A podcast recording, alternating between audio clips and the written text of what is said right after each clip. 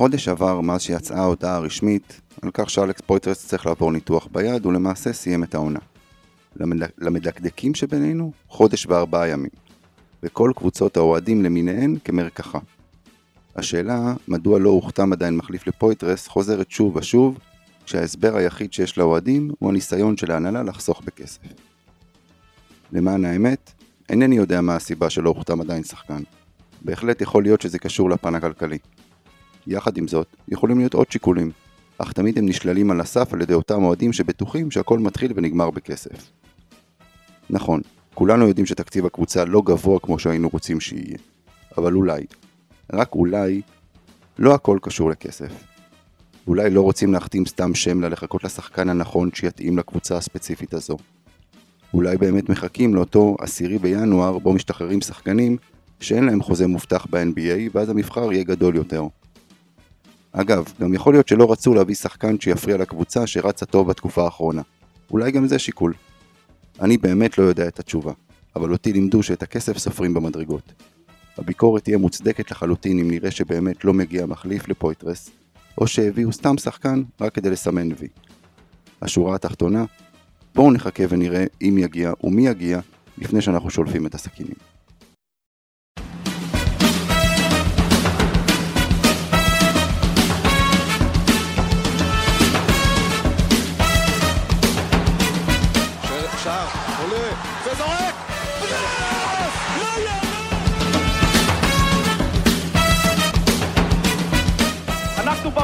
ואנחנו נשארים במפה, לא רק בספורט, לא הכל.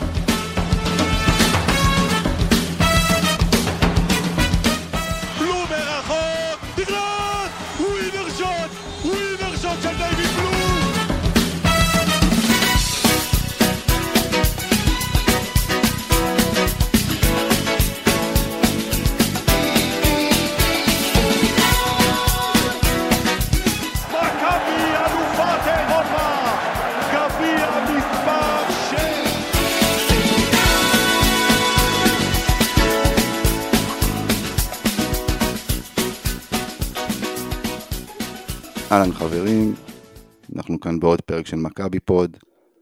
נגיד שלום כמובן קודם כל לפאנל, שלום יאיר זרצקי. אהלן אהלן, ערב טוב.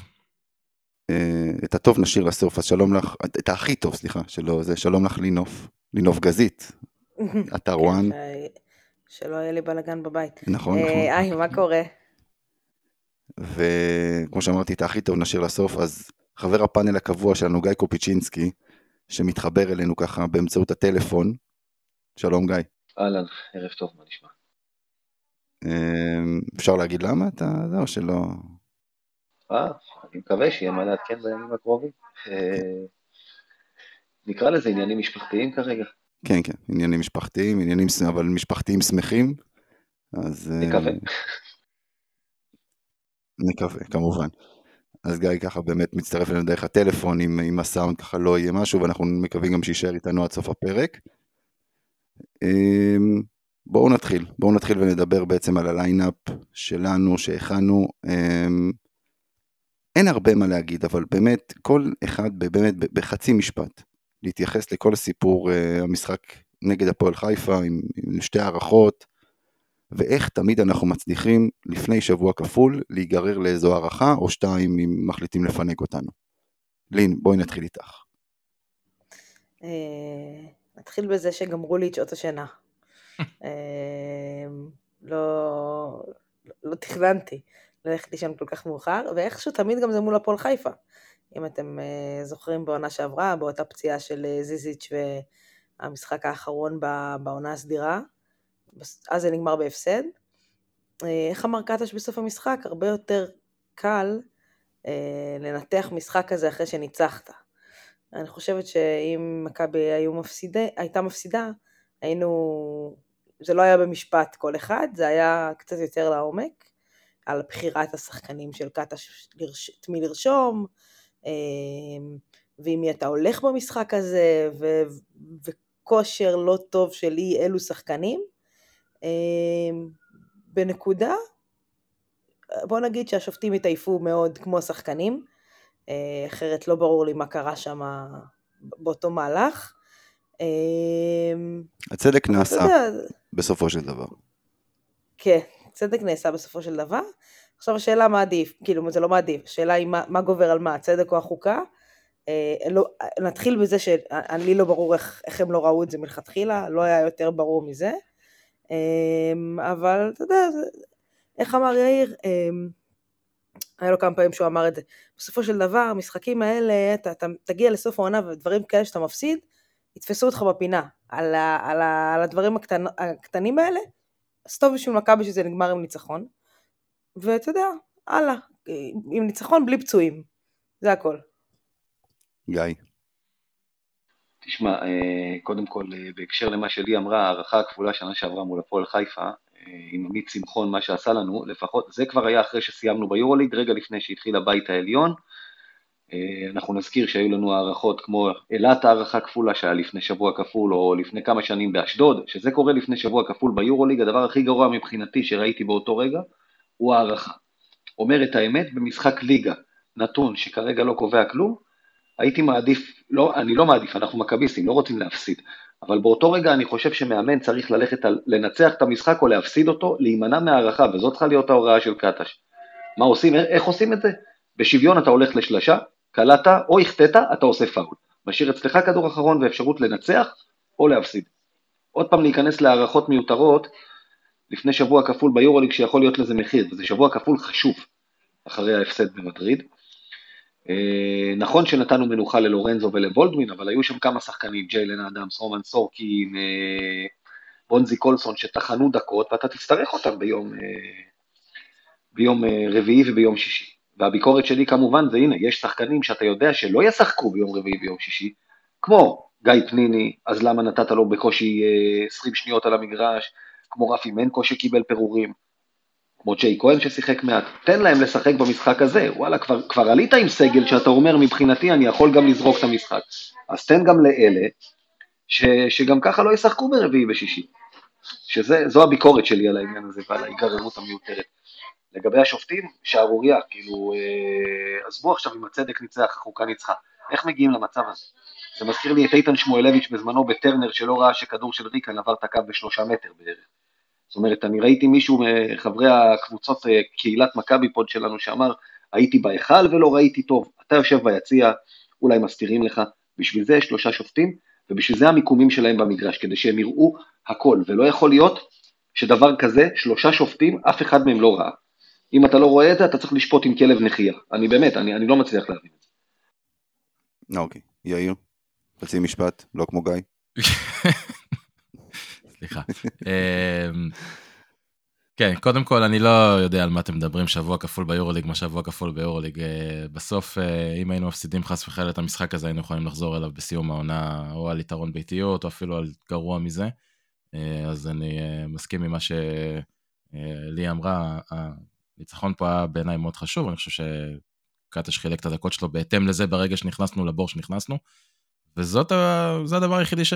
זאת אומרת, לדעתי בניתוח של המשחק הזה, בין אם ניצחנו הפסדנו, הניתוח הוא אותו ניתוח. איך אנחנו מגיעים למשחק ליגה נגד uh, קבוצה ב-level של הפועל חיפה ונראים כמו שנראינו. בין אם ניצחנו הפסדנו. הגישה של השחקנים, משחק בית לדעתי שלישי ברציפות כבר, שמגיעים רכים, בלי אינטנסיביות. Um, וזה 180 מעלות ממשחקי החוץ, כי למשחקי החוץ אנחנו משום מה מגיעים בליגה מאוד חדים וגומרים אותם מוקדם. אז לא יודע, זה משהו שצריך להבין איך לא נתקלים בו יותר. ולגבי השופטים, אני, אני צייצתי על זה בטוויטר אחרי המשחק, אני חושב שהם יכלו לחסוך לעצמם את כל הבלגן הזה, אם הם רק היו uh, שורקים עבירה על הפגע וברח שהיה שם מעליף תכזיב בסוף המועד החוקי.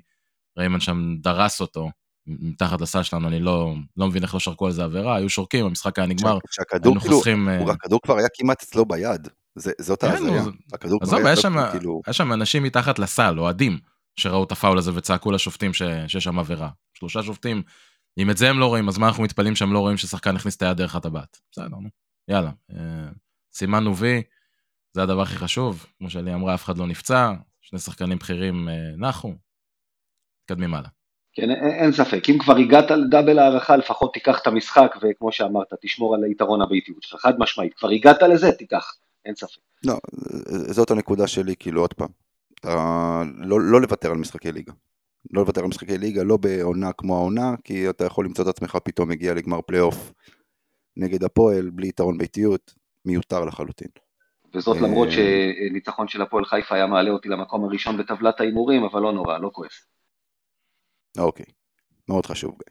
אה, טוב, בואו, אה, דיברנו על הפועל חיפה, בואו נעבור עכשיו לדבר על... אה, אנחנו חייבים, אין לנו ברירה, על מה שראינו במדריד. מה לא יודע, לי זה נמחק. מהזיכרון, אתה רוצה, אתה, אתה עוד זוכר משהו מהדבר הזה? זה כמו איזה, אתה יודע, וזהו דוקטור, זה כל מה שאני זוכר, מה שנקרא, התחיל המשחק, נהיה לי שחור בעיניים, ו- ואני מפה לא זוכר שום דבר יותר. אה, לא, לצערי אני זוכר, אבל בואו, בוא, אני אתחיל עכשיו עם יאיר ואני אשאל אותך, כמה באמת צריך לקחת את המשחק הזה בצורה קשה? את התבוסה הזאת. תראה, אני חושב שזה מתחבר קצת לדיון שהיה לנו שבוע שעבר, תלוי איך אתה מסתכל על העונה הזאת של מכבי. אמ, בהקשר הזה, אני שמעתי את קטש שלוש פעמים במשחק, ואחרי המשחק מזכיר את זה שמכבי תל אביב אמ, לא שיחקה, הוא קרא לזה אה, the right way. אז, אה, זאת אומרת, לא שיחקה בצורה הנכונה. הוא אמר את זה בפסק זמן במהלך, במחצית הראשונה, הוא אמר את זה בראיון מחצית שלו, והוא גם אמר את זה בתגובות שהיה לו להפסד אחרי המשחק. אה, אז אני, אני לא יודע איך הוא כן חשב שהיה נכון לשחק בצורה הנכונה, אני גם לא יודע כמה זה אשמה שלו, אשמה של השחקנים, שזה לא קרה, אבל אה, ברור לגמרי שאנחנו באנו, מה שעשינו מבחינת, אה, עוד פעם, זה לא היה תוכנית המשחק, אבל מה שתכלס עשינו על הפרקט היה משחק הכל הפוך נגד ריאל מדריד. אה, וזה היה, היה די מאכזב, כי אני חושב שאחרי המשחק נגד הנדולו, הייתה לי לפחות ציפייה לראות איזושהי המשכיות של משחק ברמה גבוהה בהתאם לרמה של היריבה. להראות שאנחנו יכולים להיות איתם באותו לבל, וזה גם לא רק פונקציה של ההיכל, אלא פשוט מכבי התקדמה כקבוצה ומצליחה להציג את זה גם נגד קבוצות בצמרת, גם כשזה משחקי, משחק חוץ. אה, וזה הרגיש לי שפה נפלנו כמה שבועות או חודשים אפילו אחורה בדברים מסוימים כמו הגנה, אה, כמו אה, אה, ביצוע למגרש, אה, יכולת של שחקנים מסוימים. וזה זה, זה מה שבעיקר היה לי מאכזב. אבל שוב, עוד פעם, מי, ש, מי שרוצה להסתכל על זה בהקשר של איך זה משפיע עלינו מבחינת המקום בטבלה, אז אה, בסדר. הפסד, הפסד צפוי ברמה מסוימת. זהו. לי, מה הסיכום שלך? אני, אני חושבת, אמרתי את זה גם היום שהקלטנו, כשאין לך ציפיות אז אתה לא מתאכזב. אני הגעתי לצפייה במשחק הזה אה, די עם אפס ציפיות, זאת אומרת, אה, אתה יודע, אתה אומר מכביסטים רוצים לנצח, אין לי ספק ש, שרצו במועדון לנצח, אבל בהרגשה שלי, אני אמרתי, משחק חוץ במדריד, אה, זה, זה אולי בין השלושה משחקים הכי קשים שלך בעונה, אה, מול קבוצה שהיא באמת top יורוליג מבחינת סגל שחקנים, עזוב שנייה מאזן בצד. לא, חשב, לא חשבתי שזה, שזאת תהיה התוצאה, חשבתי שזה יהיה משחק סביב ה-15. מה שאותי אכזב, זה מתחבר למה שיאיר אמר, זה שכאילו הרבה דברים ממכבי של אה, ספטמבר-אוקטובר, ממשחקי החוץ של ספטמבר-אוקטובר, שבהרגשה היו ש... אוקיי, הנה, תראה, הייתה, היה גרף התקדמות וזה יצא מה, מהסיסטם, פתאום הכל חזר. עכשיו, יאיר אמר שקטש דיבר על אה, לא שיחקנו the right way, אז אני שואלת את עצמי, מי אחראי לזה שהקבוצה תשחק בדרך הנכונה? והתשובה, אני אתן רמז, זה המאמן. זאת אומרת, אה, ראו שבמהלך המשחק הקבוצה הולכת בדיוק לנקודות החזקות של ריאל מדריד. אה, אתה לא יכול להיכנס לתוך הצבע כי יש לך שם מגדל אימה, כן? ואתה לא יכול לעשות את זה התקפה אחרי התקפה אחרי התקפה. ואתה, ולריאל מדריד אין הרבה נקודות חולשה, יש לה, אבל אין הרבה. אז תנסה למצוא את מה שכן יש לה ולתקוף אותם שם, וזה לא קרה כמעט בכלל. להגיד לך שזה לא היה צפוי? אני הרגשתי שזה צפוי וזה ילך לשם. להגיד לך שזה גם לא נורא? לא, זה לא נורא בעונה כמו עונה ביורליג, שבאמת כולן מנצחות את כולן, ויש לך, אתה יודע, אם אני מסתכלת על הטבלה, יש לך חמש קבוצות עם אותו מאזן שמובילות את, ה, את, ה, את הטבלה, הכל יכול לקרות. אה, ריאל יכולה להגיע לפה, ואתה יכול גם לנצח אותה פה. אה, וריאל יכולה לצאת שבוע הבא למשחק אה, אה, חוץ והיא תפסיד בו. הכל יכול לקרות. בעונה כמו העונה, הפסד כזה, לא אומר שום דבר. זהו, שאני, את יודעת, כאילו, בגדול, לדעתי, אם מכבי קולעת שלוש, ארבע שלשות מה-11-12 שהם החטיאו ברציפות, לא בטוח שהמשחק מתפתח כמו שהוא מתפתח. והשלשות שם היו יחסית, יחסית חלקן לפחות, אם לא רובן, זריקות נוחות שפשוט לא נכנסו. תכף יאיר יגיד לי למה הם לא היו קלות, אני יודע, אני מתאר לעצמי כבר, לא. אבל...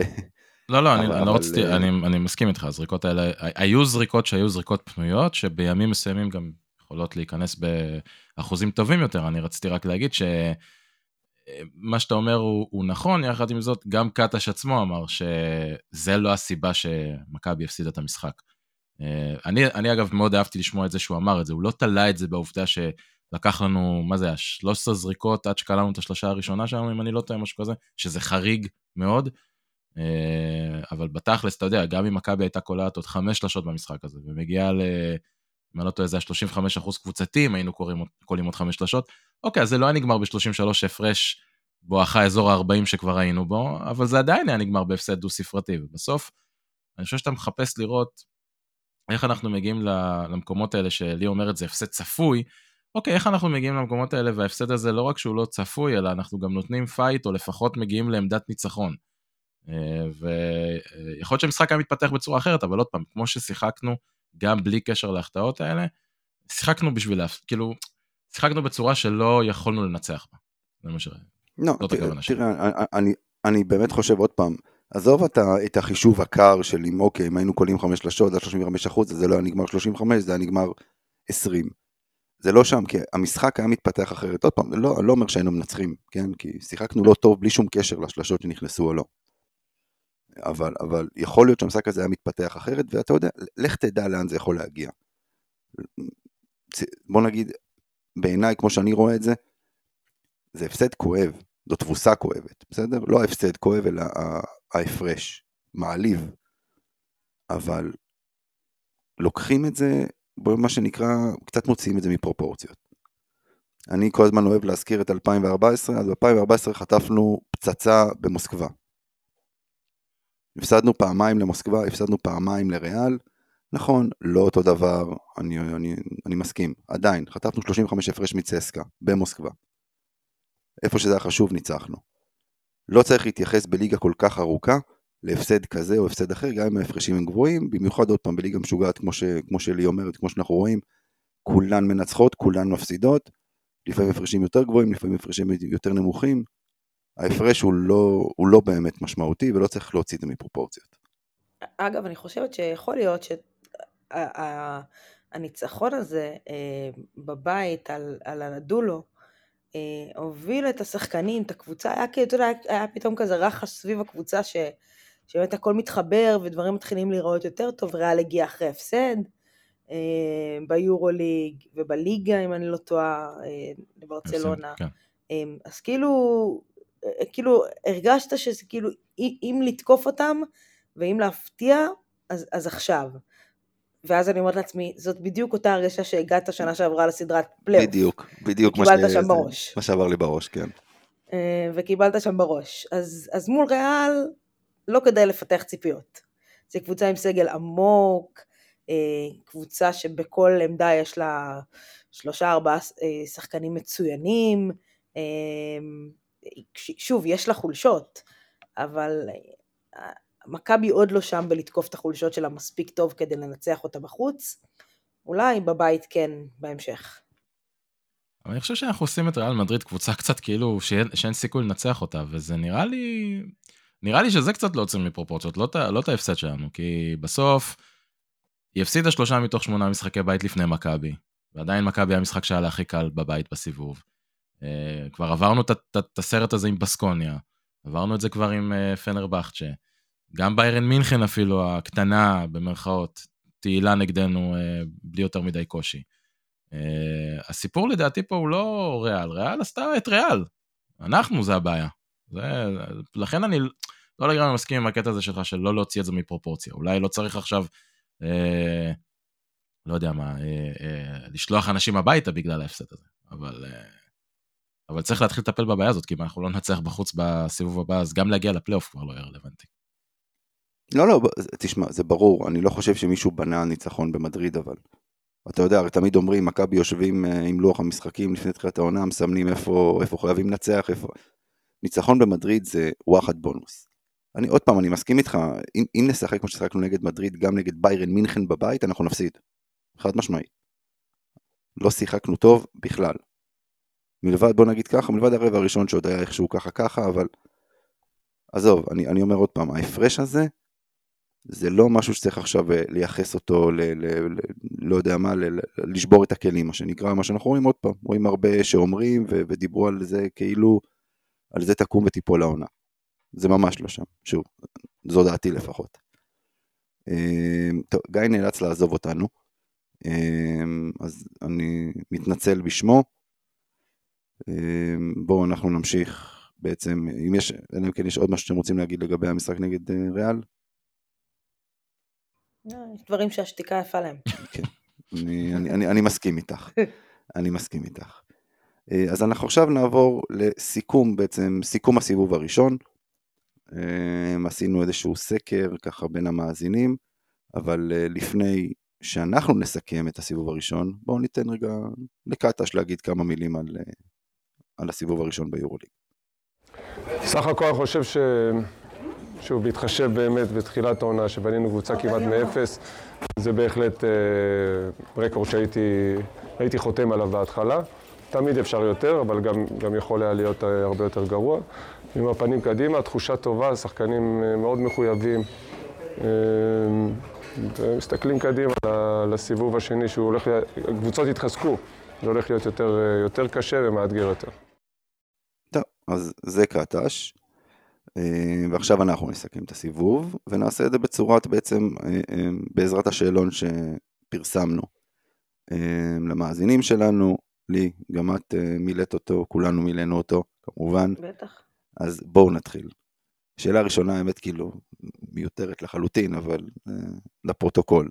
השחקן המצטיין של מכבי בסיבוב הראשון, האופציות היו לורנזו בראון, ג'ון די, בונזי אתה קולסון. יכול לעצור. כן. אתה יכול לעצור, פשוט את בלורנזו בראון, לא? לא, ת- תראי, אה, הרוב הגדול כמובן, כמובן שהצביעו לורנזו בראון, כאילו אין בו בכלל שאלה. אה, במקום יש השני... מי שלא? אה, יש מי שלא. יש מי שלא, אולי, אולי חמדו לצאן, מה שנקרא, אה, אבל אה, אה, אה, השם- את המקום השני חולקים שניים, ג'ון די ורומן סורקין, ואת המקום השלישי חולקים בונזי קולסון וג'וש ניבו. יש מישהו שבחר את ג'וש ניבו למצטיין של הסיבוב? למען האמת, מישהו אחד. וגם את גם בונזי. מישהו אחד, אה, את בונזי. אתה מכיר את הגיף הזה של אה, קווין דורנט, אה, you the real MVP? אז זה מגיע לאותו בן אדם. רגע, לא, אבל יש גם אחד שהצביע לבונזי. רגע, לי, זו בטח את, את עם בונזי, כמו שאת אומרת. אני טים בונזי, נכון, אבל זה לא אני. זה לא את, אוקיי. שקלתי, אבל זה לא אני. זה לא את, אוקיי, בסדר, יופי. שמח שהורדנו את זה מהשולחן. אמ, אני חושב ששוב, מאז שרס, לא היה לנו שחקן בעמדה אחת שהוא באמת רכז, שהוא מעל כולם, מה שנקרא by far. מכבי קיבלה פה מתנה, באמת, מתנה משמיים.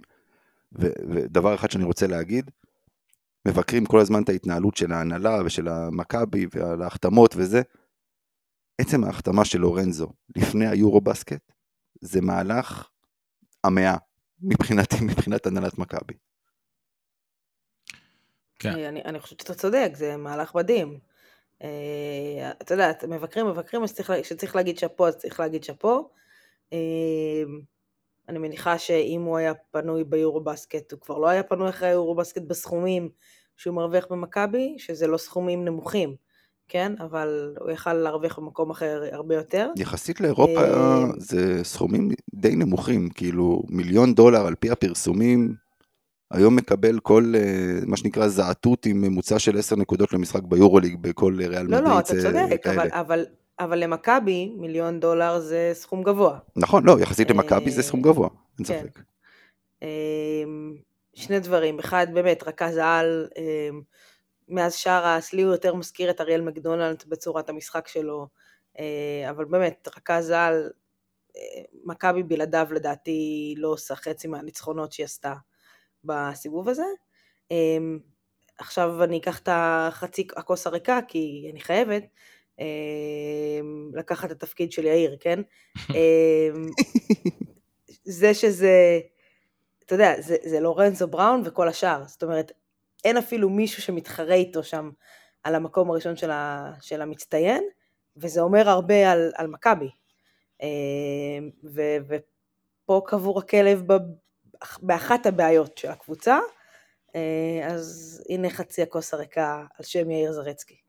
נהדר, אני, אני, רוקן, אני רוקן אותה אפילו עוד טיפה. קודם כל שמעתי אה, שאמרת את זה אה, בפוד אה, מכבי סל שלכם בוואן היום, את המשפט שאפילו סימנתי לי אותו האמת. זה לא סתם לורנזו וכל היתר, אני רוצה לתת לכם איזה נתון אחד לגבי הנושא הזה. אחוז הדקות כן, תן, של לורנזו תן, בראון... תן נתון סטטיסטי.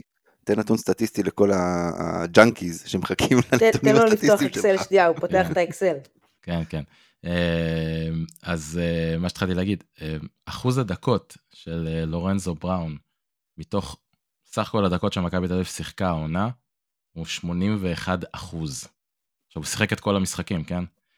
81 אחוז מהדקות של מכבי על הפרקט, לורנזו בראון היה שם. איזה נתון פסיכי. פסיכי. הוא שלישי במדד הזה ב- בכל היורוליג. לפניו נמצאים שניים שאיכשהו הם באותה קבוצה, שזה מיצ'יץ' וקלייבורן. אמ, ואז, ואז מגיע לורנזו, ו, אה, וסתם רק כדי להבין, לשם ההשוואה, שנה שעברה סקוטי ווילבקין היה על 73 אחוז, אוקיי? אז לורנזו אפילו יותר כבד ממנו מבחינת uh, המשקל שלו לקבוצה. Uh, ואני זוכר שהגענו לקיץ הזה, אמרנו, אמרנו שני דברים. א', שאפו ענק להנהלה שהצליחה להחתים אותו, אה, ניקולה, כל מי שהיה מעורב בזה לפני, לפני היורו בסקט, כי הערך הריאלי שלו אחרי היורו בסקט היה בערך כפול ממה שמכבי משלמת לו. אה, אז, אז בהחלט שאפו על הדבר הזה, אבל גם רצינו קבוצה שהיא לא תלויה בצורה כל כך אבסולוטית בשחקן אחד. בהקשר הזה אני חושב שאנחנו uh, הולכים בכיוון לא טוב. אני לא יודע מה יקרה בקיץ, אבל אני חושב עוד לפני זה, 81% מהדקות, זה בגדול פציעת עומס שפשוט מחכה לקרות מתישהו. כן, אתה יודע, בשביל זה בגדול אני, אני מניח לפחות, שזו הסיבה שהחתימו את בולדווין. כאילו, לא, לא להיות תלויים בשחקן אחד. אמ, לא עכשיו זה פחות עבד. כן. כן, תראה, בולדווין לא היה חודש, עכשיו חודש, חודש וקצת, הוא היה מחוץ לתמונה. בוא נראה איך זה יהיה מעכשיו. אמ, טוב, נעבור לקטגוריה הבאה. אחרי ה-MVP של הסיבוב, נעבור לשחקן המאכזב של הסיבוב.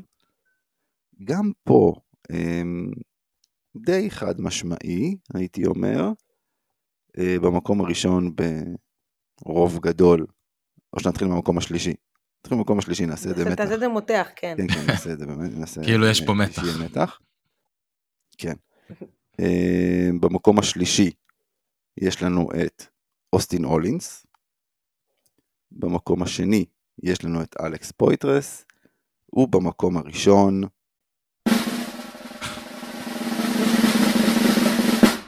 דרן, I'm sad and I miss my friends היליארד. דרן היליארד באמת אה, הגיע לפה מצד אחד אחרי, הפצי, אחרי עונה שהוא פספס את רובה בעונה שעברה בביירן מינכן אה, בגלל פציעות, אבל הגיע לפה עם אה, לא מעט הייפ, ו... נראה לי שאם אני אגיד לא מחובר, זה יהיה קצת בלשון המעטה. תקנו אותי אם אני צודק. אה, אתה, אתה קצת צודק, אה, כאילו, אני גם בוחרת בו, אה, ובחרתי בו, אבל אחד, יש פה, יש פה הרבה משתנים, כאילו, הוא נפצע במשחקים הראשונים של העונה, הוא יצא מהשטף. כשהוא כבר חזר, הקבוצה רצה בלעדיו והתחברה בלעדיו. אמ, היה קשה לשלב אותו, שוב, הוא בא אחרי עונה שהוא כמעט ולא שיחק. אמ, המאמן לא ממש מאמין בו, אמ, והוא החתים אותו, אז הוא לא ממש מאמין בו. זה שחקן שהוא צריך את הכדור כדי ליצור, הוא צריך שייצרו, ש, שאם אין לו את הכדור אז שמישהו יעזור לו, יחסום בשבילו, יעשו לו תרגילים, דברים שלא קורים במכבי אולי פעם במשחק, כשהוא משחק, הוא לרוב לא שיחק. אמ, ועדיין אני אגיד שאתה יודע, כן, לא מחובר כי לא רק, האשמה פה היא לא רק על המאמן, היא גם על השחקן. אמ, משהו בשפת גוף שלו לאורך חלק מהמשחקים. משהו בציוצים פחות. שלו. ציוצים, חולצות, טרנד לבוש, אה, פחות. אמ, ואתה יודע, אה, אגב, אני לא מסכימה על אולינס, אה, אולינס מבחינתי לא אכזבה, כי אתה, קיבלת, אתה מקבל ממנו פחות או יותר את מה שאתה מצפה. פויטרס שיחק from day one כמעט פצוע. אז זה משאיר אותנו עם אה, מר אה, מתגעגע לחברים שלי ועצוב. יאיר. כן, אני מסכים עם הבחירה הזאת לצערי הרב, כי כשהוא הוחתם, ואם אני לא טועה זה היה לפני, אה, לפני בולדווין בטוח, אבל גם לפני לורנזו בראון אם אני לא טועה. כשהוא חתם, אני חושב שאמרתי לעצמי, זה סוג של שחקן שלא לגמרי האמנתי שמכבי יצליחו להחתים כשהוא לא בא ככוכב של, של הקבוצה, אלא כ... אה, שחקן אה, אופציה שנייה, אולי שלישית אה, בהתקפה. אבל זה לא עובד, זה לא עובד, דיברנו על זה כבר הרבה מאוד פעמים כאן. מספיק היה לראות אותו על הספסל נגד ריאל מדריד בסיום המשחק, עם הטרנינג שם, פנים של תשעה באב, חוסר חשק מאוד בולט, ואני בטוח שזה לא היה בגלל התוצאה. וגם אתמול במשחק נגד הפועל חיפה, אני, אני חושב שזה היה במהלך האחרון של ההארכה הראשונה, אם אני לא טועה, שהוא היה על המגרש וקטש הסביר את התרגיל, והיה אפשר לראות כמה הוא לא מסכים עם מה שקטש משרטט שם, וכמה הוא לא מרוצה ממה שהוא כנראה התבקש לעשות באותו מהלך, ראו את זה בצורה מאוד ברורה. אה, משהו שם לא, לא עובד, ולא לגמרי ברור לי למה לא ניצלו את ההזדמנות של החלון שקבוצות יורוליג יכולות אה, לקחת שחקנים מקבוצות יורוליג אחרות, כדי לעשות איזשהו... אה, מהלך פה לשחרר אותו לקבוצה שיכולה לעמוד בחוזה שלו, ולקחת את הכסף הזה ולהשקיע אותו במקום אחר. לא, לא לגמרי ברור לי לאן מצפים שזה עוד יגיע, או לאן זה אמור להתפתח. תשמע, תסלח לי, כן, אבל לא ממקומו של דארן איליארד אה, לעשות פרצוף, או אני לא יודע מה, על תרגיל שקטש משרטט. הוא יכול להסכים או לא להסכים, הוא בטח לא יכול... אה, אה, הוא לא אדי גורדון, שיגיד לפיני גרשון מה לעשות בפסק זמן בגמר הגביע. אבל... כן, לא, מה, אתה עושה כאלה לא, פרצופים? אני, ש... אני מסכים איתך, אתה צודק, זה לא ממקומו, אבל זה מה שקרה, אז יש פה בעיה, אי אפשר להחביא אותה. היא קיימת כמעט מתחילת העולם. לא, לא, לא. גם לא ממקומו לצייץ בטוויטר. נכון. אה, מה הוא חושב, אה, ולא ממקומו, אתה יודע, לעשות איזשהו מסר נכון. אופנתי, לא אופנתי, משחק אחרי שהוא חוזר מהשעיה. אני מסכים איתך לגמרי. השורה התחתונה, המאמן לא מאמין בו. אה, נכון. הוא נכנס לאיזשהו לופ שאני לא רואה איך, איך, איך הוא יוצא מזה, איך מכבי מרוויחה אותו מחדש. אה, כישורי הכדורסל שלו, אני חושבת שאנחנו מכירים ומסכימים שהם קיימים. זה לא שחקן שלא יודע לשחק כדורסל. זה לא שחקן, שחקן שיכול ברגע שהוא מתחמם לקלוע חמש נקודות ב-20 שניות. אבל כרגע זה פשוט לא עובד. ובצורת המשחק של קטש, זה גם ימשיך לא לעבוד. נכון, כן, אני, אני לגמרי אה, מסכים, כן.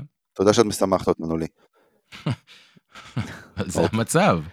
טוב, זה, לא, לא, לא, זה המצב, כן, אני מסכים איתכם. אוקיי, בואו נעבור עכשיו לקטגוריה הבאה, פריצת הסיבוב. אמ, במקום השלישי והמפתיע, ג'רל מרטין. אמ, במקום השני יש לנו את בונזי קולסון, ובמקום הראשון האיש והקמפיין שיאיר עשה עליו, רומן סורקין. שני קמפיינים במקרה שלו. האיש שצריך להעביר לו אחוזים מהחוזה החדש. לגמרי. אה, אני לא צריך אחוזים, אני רק צריך שהוא יחתום כבר. מסכימים, לא מסכימים, יש מישהו אחר שאתם חושבים שהיה צריך להיות פה, בדירוג הזה? קודם כל, אה, אני חושבת שג'רל מרטין, לא יודעת, אתה אומר הפתעה? לא מפתיע אותי. אני חושבת שמדובר בשחקן אה, ש, שיכול להיות, מה זה יכול להיות? אני אמרתי את זה כבר, שעונה הבאה הוא יהיה מפלצת יורוליג. אמ, עכשיו השאלה איפה? מפלצת יורוליג, אבל מפלצת יורוליג. עונה ראשונה שלו באירופה, צריך זמן להסתגל. ראינו כאלה שזה לא העונה הראשונה שלהם באירופה ומבקשים פסק זמן שהכדור אצלם בידיים. אה, אז אה, סליחה מי? נקודה כואבת, הייתי, חייב, הייתי חייבת להכניס את זה. מי, מי, מי, זה- מי עשה דבר כזה? זה אחד אחד היא כזה. התכוונה לוויל ביינום אה, בתכלס. כן, כן, תכלס, כן, ברור. ביינום, כזה. אמ, ותראה, סורקין, אני לא חושבת ש... אין יותר חד משמעי מזה. הוא עשה קפיצת מדרגה, הוא שדרג את המשחק שלו ב- ב- בהמון אספקטים, אה, התקפית, הגנתית, אה, ריבאונד, למרות שיש קצת ירידה בשניים האחרונים, בדיוק. האחרונים. אה, יכול להיות אגב שזה, אתה יודע, סאגת החוזה שם שיושבת בראש ו... וזה משפיע, אז, אז הקמפיין צריך לחזור אולי, יאיר, תחתום כבר, תשנה את המילים. אני לא לא עצרתי את הקמפיין, הוא ממשיך. אה, אבל, אה, אבל תראה, סורקין באמת, קפיצת מדרגה משמעותית. אה, אני חושב, הוא אפילו הפתיע אנשים במכבי מכמה שהוא השתפר בקיץ האחרון, ואתה יודע, הוא הופך להיות סנטר לגיטימי ביורוליג. זה לא דבר מובן מאליו שיש ישראלי כזה. אני, לפני שאני נותן ליאיר להגיד מה הוא חושב על זה, אני אגב מסכים עם, ה, עם המקום הראשון פה כמובן שזה סורקין. למרות שגם ג'יילן אדמס היה יכול להיות, היה יכול להיות פה מדורג אה, במקום גבוה יותר, אבל אה, היה מישהו שכבר בסיום עונה שעברה, יאיר יכול להגיד לך מי זה, את מכירה אותו, שכבר בסיום עונה שעברה אה, אמר שרומן סורקין צריך להיות הסנטר השני של מכבי ולהביא סנטר אחד שיהיה סנטר ראשון. אתה מכיר אותו יאיר, מי שאמר את זה? עכשיו- עכשיו, מה הבעיה פה, את מבינה לי? שכמו שהוא הוא איזה שלוש כן. שנים כבר אומר, מי היה זה שבקיץ 2019 אמר שמכבי תסיים הייתה מקום פה- 4 עד 6? יאיר, יאיר, עכשיו הוא אבל ירוץ הי- על זה שלוש שנים גם. הייתה לא, לא, אני- הייתה האמת, שאני רץ, קלאסית. האמת שאני רץ כבר שמונה שנים, שנייה, שנייה, לי, אני האמת שאני רץ כבר שמונה שנים על זה שאחרי ההפסד לנס ציונה, ב-2014 אמרתי שהקבוצה הזאת תגיע לפיינל 4. תשאל את גיא, כאילו, אני. אני, יש את שני הדברים האלה שאני חוגג עליהם. זהו, בוא הייתה תמשיכו. לך, יאיר, הזדמ- הזדמנות רצינית לתת פה את הכינוי החדש שלו ופספסת. אבל בסדר. יש- רגע, אה, יש לאמיר כינוי חדש? לא ידעתי. מה? בטח. הכינוי... אה, אתה השתמשת בו. לפני שהתחלנו להקליט, אתה לא אה, מתבייש? אוקיי, אוקיי, כן, זה- נכון. זה נכון. אני אני ארים לך להנחתה בהמשך עוד טעות פעם. שלי. טעות שלי. אה, אז, אז רגע, קודם כל אמיר, מה שאתה אומר זה שכאילו מחשבה יוצרת מציאות, גרמת לפציעתו של אלכס פויטרס. הוא הפך להיות הסנטר השני. לי, מה שאת עושה עכשיו, זה יחזור אליי כמו בומרנג כשאנשים יתחילו לשמוע את הפרק.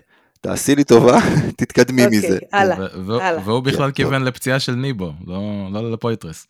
אה, כן, לא, חלילה, חלילה, שכולם יהיו בריאים. ברור. כן, כן. אמ, קודם כל, אמ, אני כמובן מסכים עם, ה, אמ, עם הבחירה הזאת.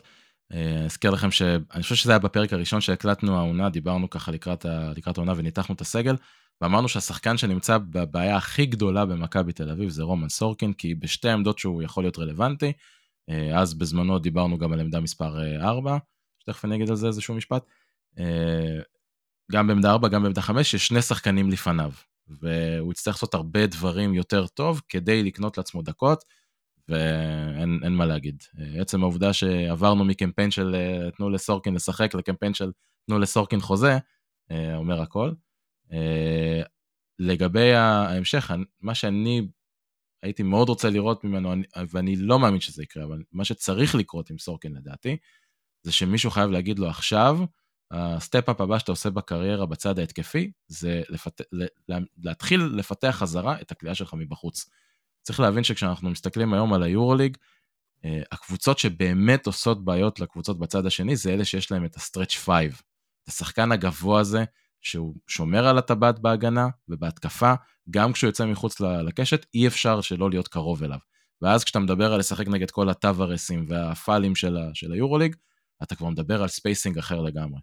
אה, שאלו את קטש על זה, וגם גם לזה התייחסתם היום אה, לי בפודקאסט שלכם, שמעתי. אה, שאלו אותו לגבי זה אחרי המשחק קודם נגד הפועל חיפה, והתשובה די אכזבה. היה כאילו משהו בסגנון, סורקין צריך להתמקד בלחם והחמאה שלו, שזה מתחת הסל. מחשבה, בלי קשר לקטש, בלי קשר לסורקין, מחשבה לדעתי פשוט לא נכונה ביורוליג של, אה, של העידן הנוכחי, ו, וזה חבל. מישהו צריך לתפוס אותו ולהגיד, אם אתה באמת רוצה להיות סנטר שהוא מושלם ליורוליג, זה הדבר שאתה צריך להוסיף למשחק שלך עכשיו. ואגב, הוא עשה את זה שנה שעברה, הוא היה זורק לא מעט שנה שעברה, וגם קולע, אה, ופשוט הפסיק השנה לזרוק. כן. אה, הוא זרק איזו זריקה אחת לדעתי במדריד, משהו בסוף שעון, כזה שלא הייתה לו ברירה. יש מצב שזו אחת הזריקות הבודדות של העונה. כן. כן, אז, אז אתה יודע, פשוט, פשוט צריך להתחיל לזרוק, אבל שוב, אם המאמן אומר משפט כזה, אה, הוא צריך להתמקד במה שקורה מתחת לסלים, אז כנראה שאין לו אישור ירי. כן, כן וחבל. זו בעיה. אה, טוב, טוב, בואו נעבור לקטגוריה הבאה, המהפך של הסיבוב, ופה יש לנו אה, ניצחון ב photo finish ממש. אה, במקום השלישי, המהפך מול אולימפיאקוס, בהיכל. במקום השני, המהפך מול אנאדולו, אה, ממינוס 10 לפלוס 8. ובמקום הראשון, בעצם המהפך הכי גדול שעשינו מבחינת, ה, מבחינת ההפרש, הניצחון על מונקו בהיכל. בגדול אני, אני, אני, אני באופן אישי יכול להסכים עם, ה, עם, עם הבחירה הזו, אה, שוב, כי זה המהפך הכי גדול, חזרנו למינוס 19, זה, זה לא משהו ש, ש, שקורה כל פעם. אה, מבחינת איכות הקבוצה אין ספק שהמהפך על הנדול הוא גדול יותר, אבל אני יכול, אני יכול להסכים לגמרי עם, ה, עם ההצבעה הזו. מה איתכם? אני אגיד לך למה אני מסכים עם הבחירה הזאת ולמה זה גם מה שאני בחרתי. כי אני חושב שמבין כל המשחקים שתיארת, זה היה משחק שאני חושב שבהיכל ההבדל ביכולת בינינו לבין הקבוצה בצד השני כשהיינו בפיגור היה כנראה הכי גדול. כי אנאדולו, צריך לזכור, עשו סווינג של 20 נקודות מ-10 לנו ל-10 להם, וזה היה מאוד מאוד מהר. ואולימפיאקוס זה היה ככה משחק שהתנהל די בשוויוניות רוב המשחק, ואז לקראת סוף ה... או אמצע הרבע השלישי הם עשו איזושהי בריחה מסוימת, ואז חזרנו. פה הייתה מחצית שלמה שהם פשוט פירקו לנו את הצורה. אה, אני לא זוכר כמה הם עשו שם, לדעתי זה היה איזה 40 נקודות באיזה 14 דקות של משחק, משהו באמת אה, לא, לא הגיוני. וגם מעל הכל זה גם היה המהפך הראשון שעשינו עונה, ותמיד הדברים ה... שהם קורים בפעם הראשונה יש להם את ה... לדעתי את האפקט הכי חזק, אז אני חושב שאני מסכים עם זה שזה המהפך באמת הכי גדול שהיה לנו השנה. זה לא הניצחון הכי גדול, זה המהפך הכי גדול. לי? אני לא מסכימה. אמ, אני בחרתי באנדולו, אמ, כמה סיבות. אחד, בגלל הקבוצה. שמעתי אותך, אמיר, מדבר על זה שבוע שעבר. אמ, על זה שאתה יודע, תמיד אה, המצקצקים מוצאים את הסיבות מסביב, אתה יודע, אז זה היה מונקו, הטיסה, ו, ופה, שוב, מי שרוצה לחפש ימצא את הסיבות מסביב, אבל זה לא באמת היה קיים. מדובר באלופת אירופה שנתיים ברציפות, קבוצה חזקה, לדעתי הכי חזקה ביורוליג. בסדר, לארקין חזר בדיוק לשחק והוא עדיין קצת חלוד, אז מה? זה עדיין לארקין. אמ, הרבע הרביעי, הגנה מדהימה, הכי טובה שראינו ממכבי השנה. אמ, האווירה בהיכל, לדעתי זה היה הקאמבק הכי גדול והניצחון הכי גדול של הסיבוב. בסדר גמור, אוקיי. אז עכשיו מהניצ... מהמהפך הכי גדול לניצחון הכי גדול. ופה זה, זה, זה אפילו לא נוקאוט, זה כאילו המתאגרף השני בכלל לא עלה. זה, זה, זה, זה כמעט טכני. אמ, רוב אדיר, באמת, כמו שאמרנו עכשיו, דיברנו על זה, אני, על הניצחון, אה, רוב אדיר הניצחון על הנדולו. דיברנו על זה עכשיו, נראה לי שאפשר לעבור לקטגוריה הבאה. אמ, ההפסד הכואב ביותר. ופה יש שלושה הפסדים שככה מככבים. האמת שאם היינו מפרסמים את הסקר הזה, לדעתי אחרי מדריד, יש מצב שזה היה אחד מהמקומות הראשונים, אבל uh, במקום השלישי התבוסה לבסקוניה בחוץ ב-29 הפרש, במקום השני uh, ההפסד לבולוניה, שכבר הובלנו בכמה נקודות אה, לקראת סוף המשחק, ובסופו של דבר הפסדנו. ובמקום הראשון, תודות לאוסטין הולינס, סתם, לא תודות לו, לא, תודות להחלטה די דבילית שלו בסוף, שעד עכשיו לא נראה לי שמישהו יכול להסביר אותה. גם הוא לא. גם הוא לא, כן. אז uh, ההפסד uh, לכוכב האדום, שזה באמת באמת מרגיז, כי היו לנו שם, כמה היו לנו שם, זה שתי הזדמנויות לדעתי, נכון? שתי הזדמנויות כן. לקלוע סל, ופעם אחת היא באה בולדווין איבד, ואז הסיפור עם הולינס. Uh, אני חושב, אני, אני מסכים, זה באמת הפסד דבילי וכואב במיוחד. רגע, השאלה הייתה, הפסד הכי כואב או הפסד הכי מאכזב? הכי כואב. הכי כואב. כן. אוקיי, אוקיי. זה עניין של סמנטיקה, את יודעת, אה, כואב או מאכזב. לא, אבל אני אגיד לך למה, כי כואב זה לקבל 29 הפרש בראש בלי שאתה... לא. אפילו לא חצי דקה במשחק בבסקוניה. לא, זה כואב. מאכזב זה אוקיי. לבעוט בדלי. תראי, אני, לי כואב יותר להפסיד בנקודה או שתיים על טעויות כאלה, מאשר לקבל 30. בגדול אני מעדיף לקבל 30 מאשר להפסיד עוד פעם בגלל טעויות כאלה. מבינה, טעות כזאת, או טעות סתם משהו שעולה לי לראש, ההפסד במדריד שנה שעברה, עם הטעות הזו של, של יאניס, של להעלות את זיזיץ' על יבוסל, okay. כן. כאילו הטעויות של, של תשומת לב, ממש טעות של תשומת לב או, או חוסר ריכוז, אני מעדיף לקבל 29 מבסקוניה. ואגב, זה יכול להיות בסוף השנה, בסוף העונה, אתה תסתכל על המשחק הזה ותגיד, אה, הנה, אל תיר בובורי לג'אבו, בסדר? משהו כזה, בדיוק, על, על ההפסדים האלה. בדיוק. כן, כן, כן לא, זה ההפסד כזה וההפסד לבולוניה, ההפסדים האלה. יאיר, אה, מה... ברצלונה בבית, גם, כן. לא, לא, להפסיד לברצלונה בבית זה עוד מתקבל על הדעת פחות או יותר. לא, מתקבל כן, אבל זה לא שלא יכולת לנצח, היית בעמדה לנצח. נכון. יאיר? אני מסכים לגמרי, אני חושב שנתחבר למה שאמרת, אה, תמיד הרבה יותר מאכזב, כואב, לא משנה איך נקרא לזה, להפסיד אה, משחקים צמודים נגד קבוצות שאתה מרגיש שאתה אמור לנצח, גם בחוץ, מאשר אה, לקבל בראש מקבוצה שהיא כנראה פשוט יותר טובה מאיתנו. ולמרות שמה שהיה בבסקוניה היה באמת התעללות, בעיקר בחצי הראשון, עדיין, אה, אני חושב שהכוכב, המשמעות של ההפסד הזה, איך שהוא קרה, כל מה שהיה שם בדקות האחרונות, כמות הפעמים שיכולנו לקחת את המשחק הזה ובעטנו בדלי שם, אני חושב שזה היה באמת אה, הרבה מעל אה, כל, כל השאר. אוקיי, נעבור לשאלה הבאה. אה, פחות קשור לסיבוב הראשון, אבל בכל זאת, באיזה מקום מכבי תסיים את העונה הסדירה ביורוליג? אז אני חייב להגיד שהיו בודדים שאמרו שמכבי תסיים במקום 11-12. קצת יותר מהם, לא בהרבה, אבל קצת, אמרו שמכבי תסיים במקומות 1 4. שזה מעניין. אבל uh, במקום השלישי uh, מהמרים שמכבי תסיים במקום 9-10. במקום השני שמכבי תסיים במקומות 5-6, ובמקום הראשון, שמכבי בפלייאוף, מסיימת מקומות 7-8. יאיר, אני כבר יודע את דעתך, אז אני אדלג עליך, לא, לא רוצה לשמוע את זה שוב, אבל... לא, לא, סתם, תכף נחזור אליך. לי, מה, אם את צריכה היום להמר, באיזה מקום מכבי מסיימת את העונה הסדירה ביורוליג? זה תלוי אה, על איזה צד אני קמה בבוקר. אבל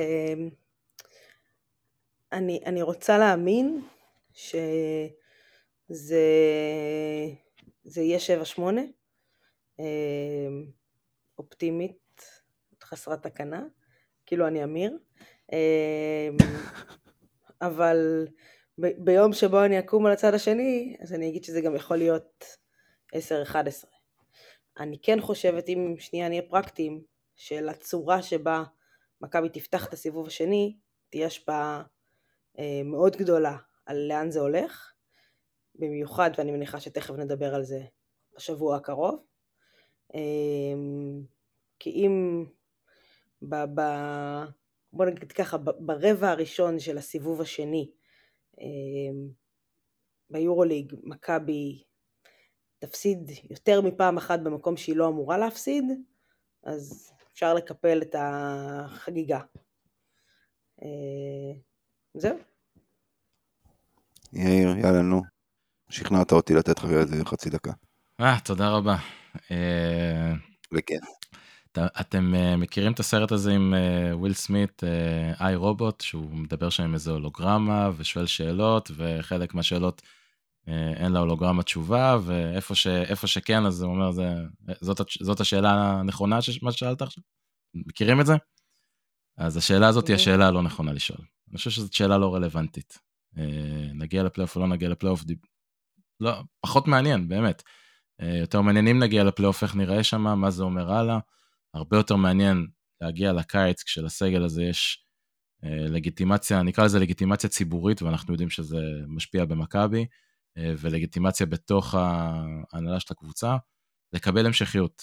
כי הבסיס שיש לנו כאן הוא בסיס טוב, ובלי קשר למה יעשה השנה ביורוליג, שזה עונה צמודה, לא, לא פשוטה, אה, עם כמה תיקונים, שפצורים בקיץ, גם סגל שהשנה יכול לפספס את הפלייאוף בגלל משחק או שניים, יכול שנה הבאה לעשות קפיצת מדרגה גדולה מאוד, אם יעשו את המהלכים הנכונים בקיץ, ואני חושב שיש את האפשרויות לעשות את המהלכים הנכונים בקיץ, לכן, השאלה הזאת של איפה נסיים, תרשה לי בבקשה לא לענות עליה, כי אני לא חושב שהיא רלוונטית.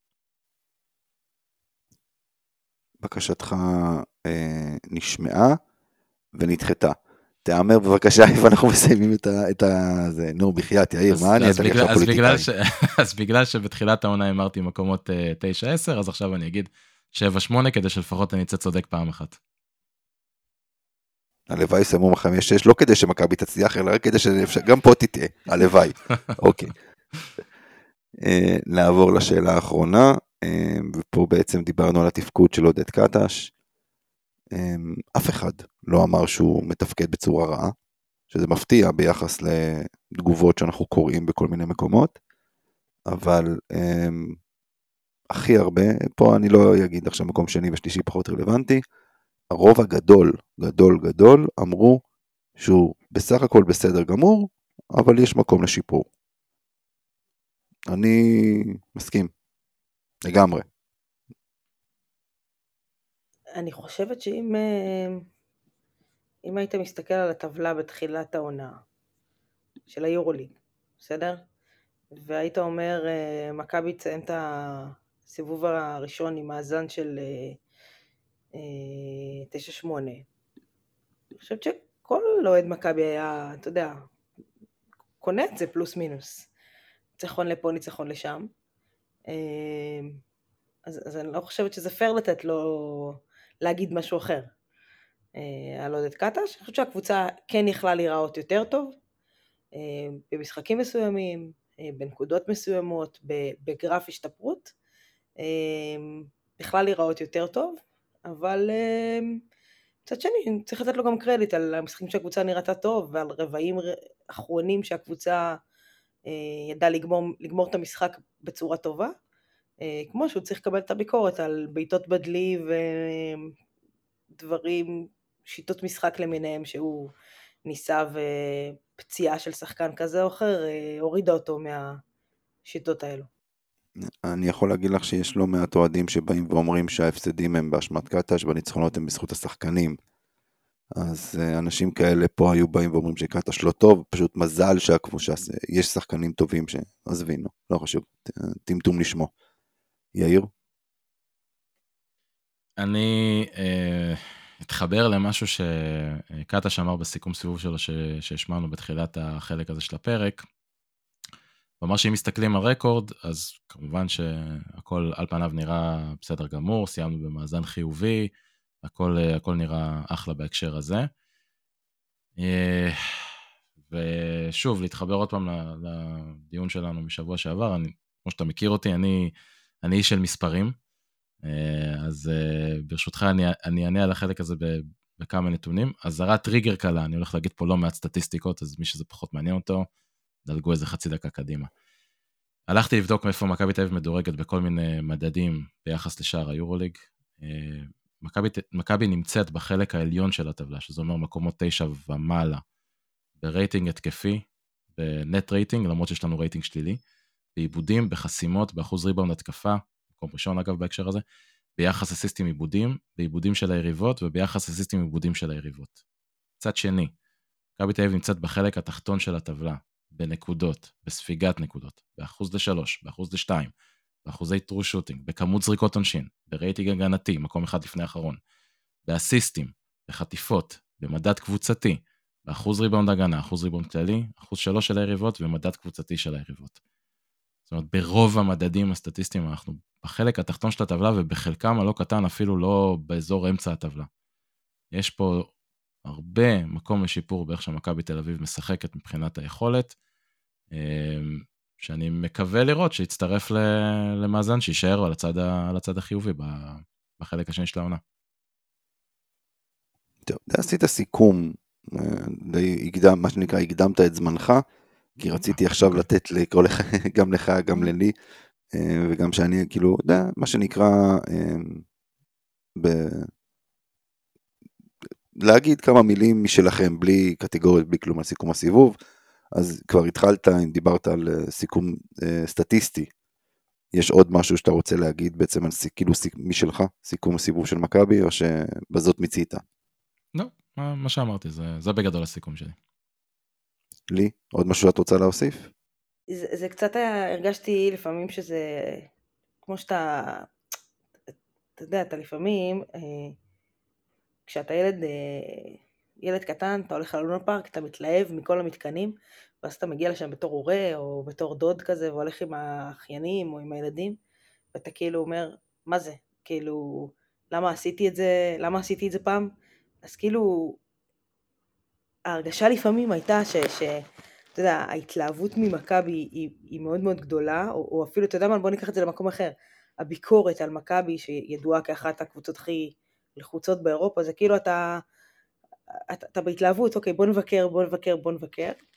מצד שני, אתה אומר, רגע, בוא ניכנס ל, לאלמנט של הילד הבוגר הזה, ההורה האחראי, ושנייה, אוקיי, יש פה מה לשפר, אין ספק, כל מה שהיור אומר נכון, וגם כל מה שהיור אומר, רואים את זה, זה לא שזה משהו שהוא מוחבא, רואים את זה, אמ, אבל כאילו, באיזשהו שלב אמרתי לעצמי, רגע, תעצרי רגע עם כל הביקורת, ומשרת המאמן במכבי תל אביב זה אחת המשרות הכי קשות אה, באירופה. וזה לא שעכשיו יש לך אה, את כל הכסף בעולם להביא את המאמן הכי טוב שקיים בשוק. אה, זה הכלים, איתם צריך לצאת למלחמה. אה, ו, ואולי רף הציפיות, כמו שיאיר אמר מקודם, צריך טיפה לרדת. ובואו נבנה קבוצה שתהיה לה לגיטימציה ציבורית, אם לא השנה לעשות פלייאוף, אז בשנה הבאה עם המשכיות ועם תיקונים, אז לעשות את הפלייאוף. אה, אז הסיבוב הזה מבחינתי הוא, הוא לא רע, עם הרבה מקום לשיפור. אוקיי, okay, אני, אני מסכים איתך עם מה שנקרא עם הסיפה של הדברים שלך. אה, מאזן של 9-8 הוא מאזן לא רע. אמ, סיבוב, עוד, עוד סיבוב כזה, אגב, עם אותם, אה, אותם מספרים, עם תשעה ניצחונות ושמונה הפסדים, סביר להניח שלא יספיק לפלייאוף. סיבוב השני לא צריך להיות יותר טוב. תראה, זאת עונה משוגעת, אתה לא באמת יכול לדעת, אני לא חושב שהייתה עונה כזו אה, עד עכשיו, שאתה יכול לבוא ולהגיד איזה מספר ניצחונות בטוח כאילו יביא אותך ולא פחות מזה. אבל אנחנו לא רוצים להיות על הקשקש, אני לא רוצה להגיע למשחק האחרון כאילו שאתה חייב לנצח אותו, אין לי מושג נגד מי הוא אגב. אמ, אני רוצה להגיע לפלייאוף לפני. להבטיח את המקום שלי שם קודם כל. אז אני רוצה להגיע ל-20 ניצחונות. בסיבוב הזה, אם אני לא טועה, יש יותר משחקי בית, תקנו אותי אמ, אם אתם יודעים או לא. אתה צודק. לא משנה, אנחנו נבדוק. מה? לא, אני אומר, אתה צודק, יש יותר משחקי בית, ובקטנה המשחק האחרון הוא נגד ריאל מדריד. אה, בקטנה. אה, ניצחון קל. אמ, אז, אז בכל מקרה, אז אני בטח לא רוצה להגיע למשחק הזה כשאני חייב לנצח, למרות שהוא בבית, ותשמע, אני מניח שנגיע ליד אליהו במשחק הבית שאתה חייב לנצח כדי להיות בפלייאוף, אה, אווירה אני תהיה שם. מזכירה לך ששנה שעברה היה לך משחק ביד אליהו שאתה חייב לנצח כדי אולי איכשהו לפנטז על פיינל פור, וזה לא קרה. אז תודה לי שאת באה, שאת אה, פה כדי לנפץ לנו כל חצי אשליה. הכוס הריקה. אני נכנסת לתפקיד של יאיר היום. כן, כן, יאיר. אופטימי. אתה שם לב? יאיר אופטימי היום. משתדל. משתדל, כן, התחלפתם בתפקידים, אה, גיא לא פה, אה, מישהו צריך, אתה יודע, להיכנס לנעליים שלו. תכלס. אתה רוצה לספר לו משהו על ליגה לאומית, או על איזה משחק לא, ב... לא יודע איפה שראית? לא, לא, אוקיי. אני רק אגיד שכמו ספוילרמן אמיתי, עשיתי 4 מ-4 בהימורים, אבל נגיע לזה. בסדר, שבוע ראשון שלך, בוא, מתוך איזה, אל לא, נכון, תעוף על נכון, עצמך. לא פעם ראשונה. עונה. יאללה, תמשיך. טוב, טוב, בסדר. אה, בקיצור, סיבוב לא רע, טעון שיפור, אפשר להשתפר. אה, ה- הקטע, שב- ש- מה ששמענו בסיכום שלו, שהוא מדבר על קבוצה חדשה, הוא צודק, אבל זה כבר מתחיל מה שנקרא להתיישן. אנחנו כבר רצים חצי עונה, הקבוצה הזאת צריכה כבר לראות יותר טוב. אה, אבל סך הכל, אם אני צריך, אם אני צריך להגיד, לא, כמו שאמרתי, סיבוב ראשון בסדר גמור. אני אגיד משהו, כאילו, יש כמה דברים שצריכים לקרות, בסדר? התחלת בזה בפתיח, אמיר, צריך להגיע מחליף, פויטרס. אמ, צריך אה, לנצל יותר טוב את אה, עומק הסגל לקראת הסיבוב אה, הבא, אמ, וצריך להפסיק לשמוע את קטש עם כל הכבוד, ובאמת יש הרבה כבוד לתשובות שלו בסיום משחקים, שהוא לוקח אחריות והוא, והוא אומר טעיתי ב, אבל זה כבר לא טעיתי בפעם הראשונה, זה, זה, זה חוזר על אותם משפטים במה הוא טעה. אז, אז, אז לשפר את הטעויות האלו. אז אני חושבת שכשהדברים האלה יקרו, מכבי תהיה במקום יותר טוב. כן, יאיר.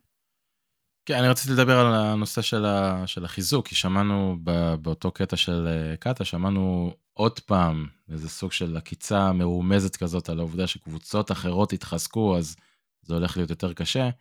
אה, קשה שלא לחבר לזה את העובדה שכמו שלי אמרה, מכבי בעצם בלי פויתרס כבר למעלה מחודש. אה, בולדווין גם היה פצוע עכשיו לאיזה חודש וחצי און אנ אוף כזה. אה, וחיזוק עדיין לא הגיע למעט אה, ג'יילן אדמס, שגם הסיפור איתו לא מאוד ברור איך עוד שבוע הוא, הוא כביכול שחקן חופשי ואף אחד עוד לא סגר איתו את הפינה הזאת. אה, וזה בהחלט משהו שהוא, שהוא משמעותי מאוד, כי אם יגיע חיזוק והוא יהיה חיזוק נכון, אז זה יכול גם לשים אותנו במקומות אחרים לגמרי. אם לא יגיע חיזוק, לא יודע, יכול להיות שזה יהיה בדיוק מה שיהיה חסר לנו. כן, טוב, אה, היום יצא דיווח שמכבי במשא ומתן עם אה, בונקה בונקה, או איך שלא, מוקה וניל, אה, לא יודע, משהו כזה, חלילה אני לא מזלזל. בו, פשוט יש לו שם, כן, אז, אני, סקפטית לגבי הדיווח הזה. לא, תראי, משא ומתן, את יודעת, משא ומתן זה גם להרים כן. טלפון כמה אתה רוצה, זה לא אומר שיש פה נכון, עכשיו איזה... נכון? אני, אני לא יודעת אם זה השחקן ש, שיגיע למכבי וזה מה שמכבי צריכה. אה, אני חושבת שהם מחכים, אה, כמו שאמרת, לנפ- לנפלטי ה-NBA אה, מלבדו, אה, כי השוק לא מוצף בשחקנים, ו- ואני לא אתפלא אם יגיע, אתה יודע, מחפשים שם חמש שיכול לשחק גם ארבע, אני לא אתפלא אם, אם יגיע שחקן אחר, בסופו של דבר. אוקיי. טוב, אז סיכמנו את הסיבוב, בואו עכשיו נתחיל להתכונן לסיבוב השני ולשני משחקים שיש לנו כבר השבוע. אה, פרטיזן בבית, ז'ליקו, מה שנקרא חוזר, אה, אחרי היעדרות של כמה שנים הוא חוזר להיכל, וביום שישי פנתנייקוס בחוץ. אני כאילו חי בסרט שאני יכול לומר שמכבי צריכה, יכולה וצריכה לנצח את שני המשחקים האלה? חייבת. חייבת. לא, עזבי, חייבת כי, כי בשביל, ה, בשביל הדירוג במלחמה על הפלייאוף. היא אשכרה צריכה, כי היא טובה יותר. בטח מפרטיזן בבית. על הנייר, טובה יותר. אה, בטח בבית, כמו שאמרת, אה, יותר טובה מפנתנייקוס, אה, למרות שהוואקה זה לא אולם קל למכבי, או קל בכלל, אבל היא, תראה, היא צריכה לנצח, כי אחד, באמת, דיברת מאבקי הדירוג, ואיזה קבוצות שילחמו איתך בסופו של דבר על, ה, על המקומות האלה, ושתיים, כי היא באמת יותר טובה. אה, למרות שז'ליקו עושה באמת עבודה נהדרת אה, עם מה שיש לו שם, אה, אבל בבית היא חייבת לנצח את, את פרטיזן. יאיר? כן, קודם כל אה, חייבים, אין פה בכלל שאלה. כמעט כל משחק בסיבוב הזה נגד קבוצה שתהיה במקומות 7 עד, לא יודע, 14, אולי אפילו 15, זה כמו שקוראים בכדורגל, משחק על 6 נקודות. זה, אתה מנצח אותם, זה גם ניצחון שלך, זה גם הפסד שלהם, ואנחנו עוד פעם בפערים המאוד קטנים האלה שיש במאזנים בטבלה, כל ניצחון כזה הוא מאוד מאוד משמעותי. מעבר לזה, הסיבוב הזה גם נפתח, אתה יודע, עם המשפט של אה, מתחילים אה, הכי חזק שיש לך, ולאט לאט אתה מגביר. אז יש לך את uh, שני המשחקים האלה עכשיו בשבוע כפול, שזה אף פעם לא קל. אחרי זה, אז עצירה מתודית קטנה נגד אלבה בבית, אבל אז אתה יוצא לשלושה משחקי חוץ מאוד מאוד קשים. אולימפיאקוס, ברצלונה, ולנסיה, אני לא זוכר אם זה בסדר הזה או לא, אבל אלה המשחקים. סליחה, אני, אני לא מסכים איתך. ברצלונה זה המשחק הכי קל בלוח. כן, כן, כן. ברצלונה בחוץ. כאילו... אתה יודע, הבעיה עם סטטיסטיקה שהיא גם מתישהו צריכה להתיישר. אמ, אבל אה, אלה משחקים קשים, איך שלא תהפוך את זה, ואם אנחנו לא לוקחים את שני המשחקים האלה עכשיו, גם אם ננצח את אה, אלבה, אנחנו מגיעים ב... אה, אפשר להגיד בקצת בור לסדרת משחקי חוץ האלה, ולכן אלה משחקים מאוד מאוד קריטיים. יש לנו תקנו אותי, אה, אני לא זוכר שפרטיזן התחזקה, נכון? מלבד פנתנייקוס שהביאה את אה, דוויין בייקון, פרטיזן נכון. שרה אותה קבוצה שפגשנו בסיבוב הראשון. אה, סוגיה קלה שאברמוביץ' שם חזר מפציעה, זה קצת מעבה להם את הסגל של הגארדים, נותן עוד אופציה לשחקן בעמדה מספר 1 יחד עם ים הדר, שנתן חודש די, די, די מעולה בחודש האחרון, ודנטה אקסום שעשה לנו ים של בעיות במשחק הקודם, אבל מעבר לזה, כן, אתה, צודק. ואיך אתם רואים בעצם, בואו בוא, בוא תנו לי מפתחות עכשיו מבחינתכם לשני המשחקים הקרובים. איך אנחנו חוזרים, איך אנחנו יוצאים מהשבוע הזה עם 2-0? כן, כן לי. לרוץ בהיכל אה, מהרגע הראשון. אה, לדעתי בולדווין אה, הוא מפתח למשחק, לשני המשחקים האלה, והוא מפתח לא קל, מפתח שוודי, כי הוא מגיע אחרי תקופה שהוא לא ממש שיחק. אמ, אבל איך אמר יאיר, כאילו הפציעה של לורנזו בראון חלילה מעבר לפינה, אבל ברגע שבולדווין חוזר, הדקות של לורנזו יצטרכו לרדת. ומכבי תצטרך לשחק עם בולדווין כמוביל כדור, ולהישאר בחיים עם זה. אמ, זאת אומרת, לשחק בלי לורנזו בראון כמוביל כדור ולהישאר עם זה בחיים, ופה המפתחות על בולדווין. אמ, אז מכבי צריכה לרוץ בכל הזדמנות, ונראה איך הם יסתדרו עם אה, מתיאס לסור, ידידנו משכבר הימים, שעושה עונה נהדרת אה, ב... אצל ג'ליקו. שצריך להזכיר שלסור פירק את מכבי במשחק הקודם. אמ, הוא פשוט, מה שהוא עשה בתוך הצבע זה היה התעללות, ב, התעללות בגופה, פשוט היה בסגנון הזה. אמ, לסורקין ולניבו פה תהיה עבודה לא פשוטה. אמ, יאיר? אני חושב שנגד פרטיזן שתי המפתחות העיקריים זה קודם כל ריבאונד, זה מתקשר גם למשחק הריצה שלי דיברה עליו, בלי לקחת ריבאונד בהגנה באחוזים גבוהים יהיה לנו קשה לרוץ. ו... וקווין פנתר, שהוא בעצם מסוג הסקוררים האלה שבערב נתון יכול להתפוצץ עליך עם 30 ומעלה נקודות, והוא מאוד מאוד משמעותי בהתקפה שלהם. אה, אלה שני הדגשים שאני הייתי שם עליהם במשחק נגד אה, פרטיזן. נגד אה, פאו, בעיניי זאת קבוצה שיש לה ציר משולש כזה של עוגנים שאתה צריך לפרק אותו. אה, וזה כמובן קודם כל אה, בייקון ש... אנחנו ידועים ב- ביכולת שלנו לפרק איזה אה, כאילו צירים כאלה, נכון? כמו שעשינו את זה כל העונה ממש. בסדר, אבל אנחנו אופטימיים, נכון? אנחנו באים למשחקים האלה אופטימיים, אז למה אתה ישר מוריד? אנחנו הכי אופטימיים שיש. כן, כן, לא, לא, לגמרי, אתה צודק, טעות שלי. תוריד את זה בעריכה. אוקיי, אין סיכוי. אז אז קודם כל בייקון, מה שהתחלתי להגיד, אה, השתלט שם לגמרי על כל הצד ההתקפי, אה, שחקן אחד על אחד, מדהים. אה, אחד הסקוררים הכי גדולים מהעונה ב- ביורוליג, משחק המון דקות גם אגב שם. אה, זה, זה הראשון. השני, אה, ידידנו אה, דריק וויליאמס, אה, שדיברנו עליו לפני המשחק הקודם, עושה עונה של stretch four קלאסי, אה, מאוד חזק מעבר לקשת, אבל אה, אנחנו מכירים גם את המגבלות והבעיות שלו והיכולת שלו גם לדפוק משחקים אה, שהוא פשוט נראה כאילו לא הגיע לשחק באותו יום. אה, והשלישי זה נייט וולטרס, שקצת מאזן את שני החבר'ה האלה בניסיון למשחק קבוצתי, להכניס שחקנים אחרים. אני חושב שאם נשים דגש על אה, שלושת החבר'ה האלה ונצליח אה, להוריד את, ה, אה, את התפוקה שלהם במשחק הזה, אני חושב שזה יהיה מאוד אה, מאוד, מאוד משמעותי ויעזור לנו להיות בעמדה של ניצחון. הזכרת את אה, אמיר, דרק אמיר, וויליאמס. חוץ מ... אני- זהו, ה- כן, לי? הנקודה, חוץ מזה שמכבי ידועה ביכולת לפרק אה, דברים אה, קשים לפירוק, מכבי גם ידועה ב- בעובדה שהאקסים מגיעים וחוגגים עליה. אז אה, אמרת דרק כן, כן. וויליאמס, אז יש עוד אחד כזה, ג'יימס ננלי, שנראה לי שיגיע להיכל, תהיה לו קבלת פנים יפה, והוא ירצה להוכיח חכי, תכף נגיע, אנחנו נגיע אליו בהימורים. נגיע אליו אה, בהימורים. אוקיי, יש הימור על שמו, מה שנקרא. זה ברור, יש הרבה. דברים על שמו, כן. אה, כן, כן, לגמרי. אה, יש גם סרטון בזה על שמו, לא חשוב.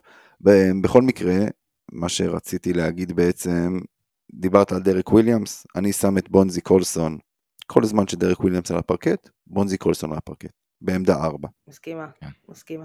אנחנו, אנחנו מכירים את, ה, את הנטייה של דרק וויליאמס להירדם וככה לתת לשחקנים לחמוק לו מאחורי הגב, ובונזי קולסון שחקן מאוד מאוד נייד, שאוהב אה, להראות את עצמו, בונזי יכול לחגוג כל זמן שדרק וויליאמס שומר עליו.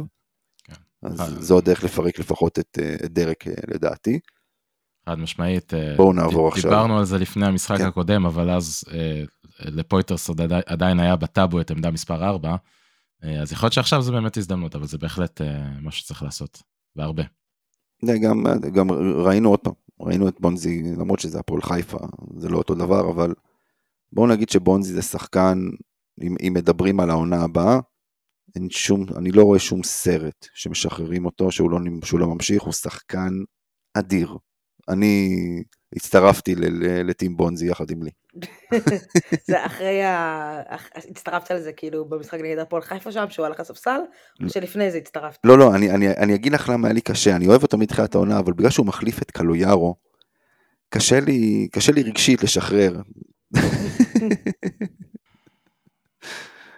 מזמן לא הזכרנו אותו פה. אני... טים בונזי, טים בונזי. לא, לא, לגמרי. אני משוחדת בענייניו. כן. אה, מניח שמי שש...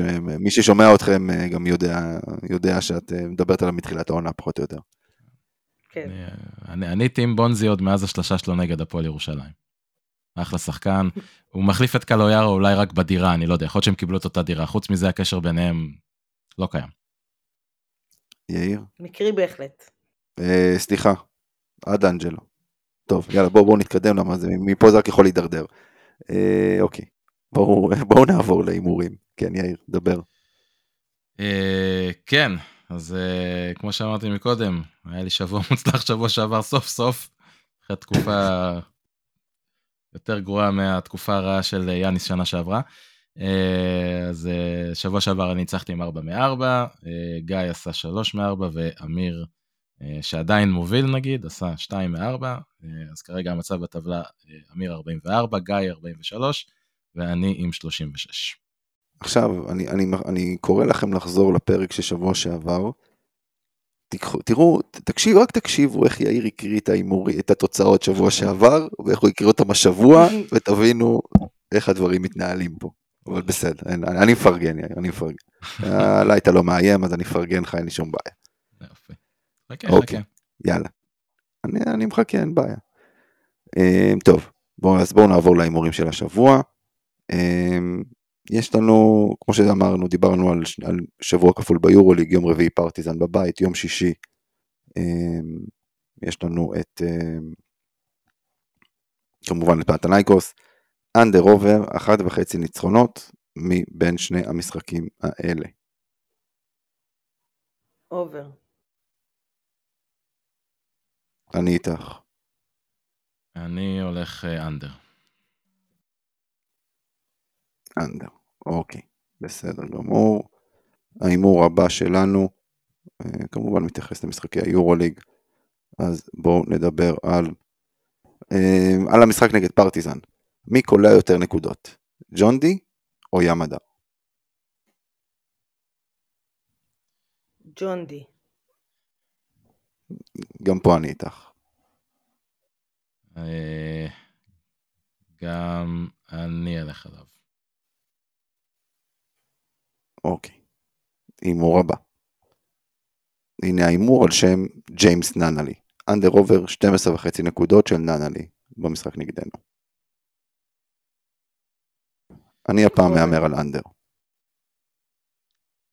אה, אני, אני הולך אה, אנדר, אני רק אגיד שמניסיוננו שנה שעברה, ג'יימס ננלי כשהוא מגיע לאווירה קצת עוינת, קצת פחות מתפקד, זה קצת אה, יותר אה, אה, מעסיק אותו בדברים אחרים מאשר לשחק כדורסל, ואני חושב שכולנו מסכימים שהוא נכנס מעולה לפוזיציה של אה, אה, מירוטיץ' וווסלי, וכולנו מבינים כמובן. איזה שיר הולכים לשיר לו רוב המשחק אה, כשהוא יהיה למגרש, אז אני, אני הולך על אנדר.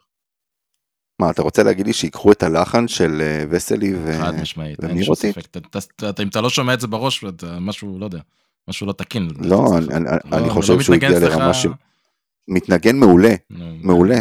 זה מתחבר נהדר, אבל אני חושב שהוא, בניגוד אליהם, מגיע לו לחן מיוחד. טוב, אם אה, חברי הגייט שומעים אותנו, אה, אתה יודע, אין לכם הרבה זמן, תוציאו כן. תקלידים. אוקיי, אז, אז, אז אה, כולנו הימרנו under, נכון? לא, אני אמרתי over. אה, אמרת over, סליחה, סליחה. אמרתי אוקיי, over. אוקיי.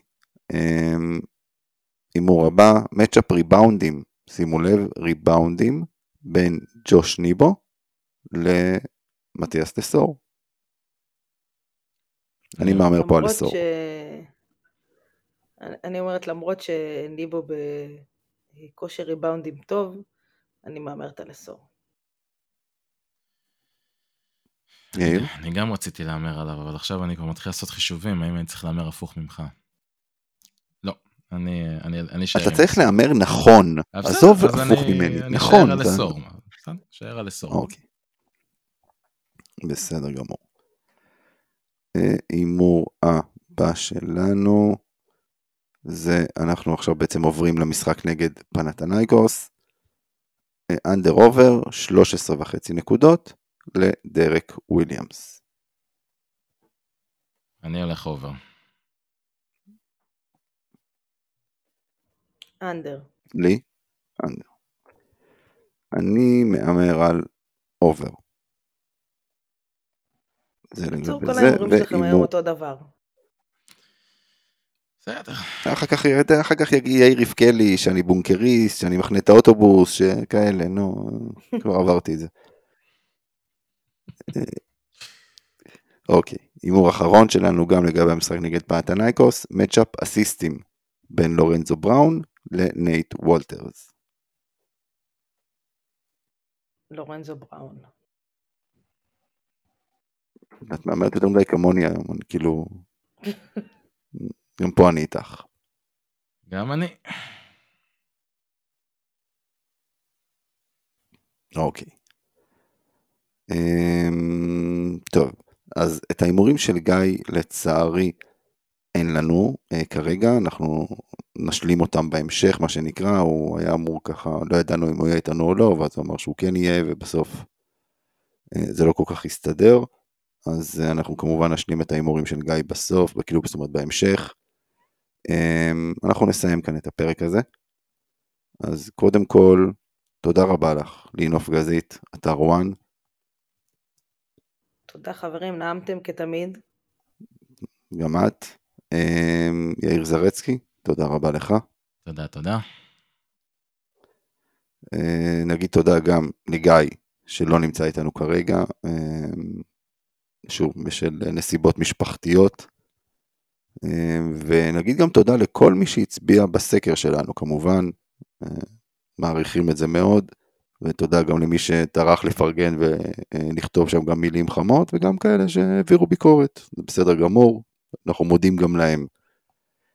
אז תודה לכולם שהאזנתם, אתם יכולים למצוא אותנו באתר מכבי פוד, בפייסבוק, קבוצת האוהדים של מכבי תל אביב, בטוויטר, באינסטגרם, בקהילת הוואטסאפ.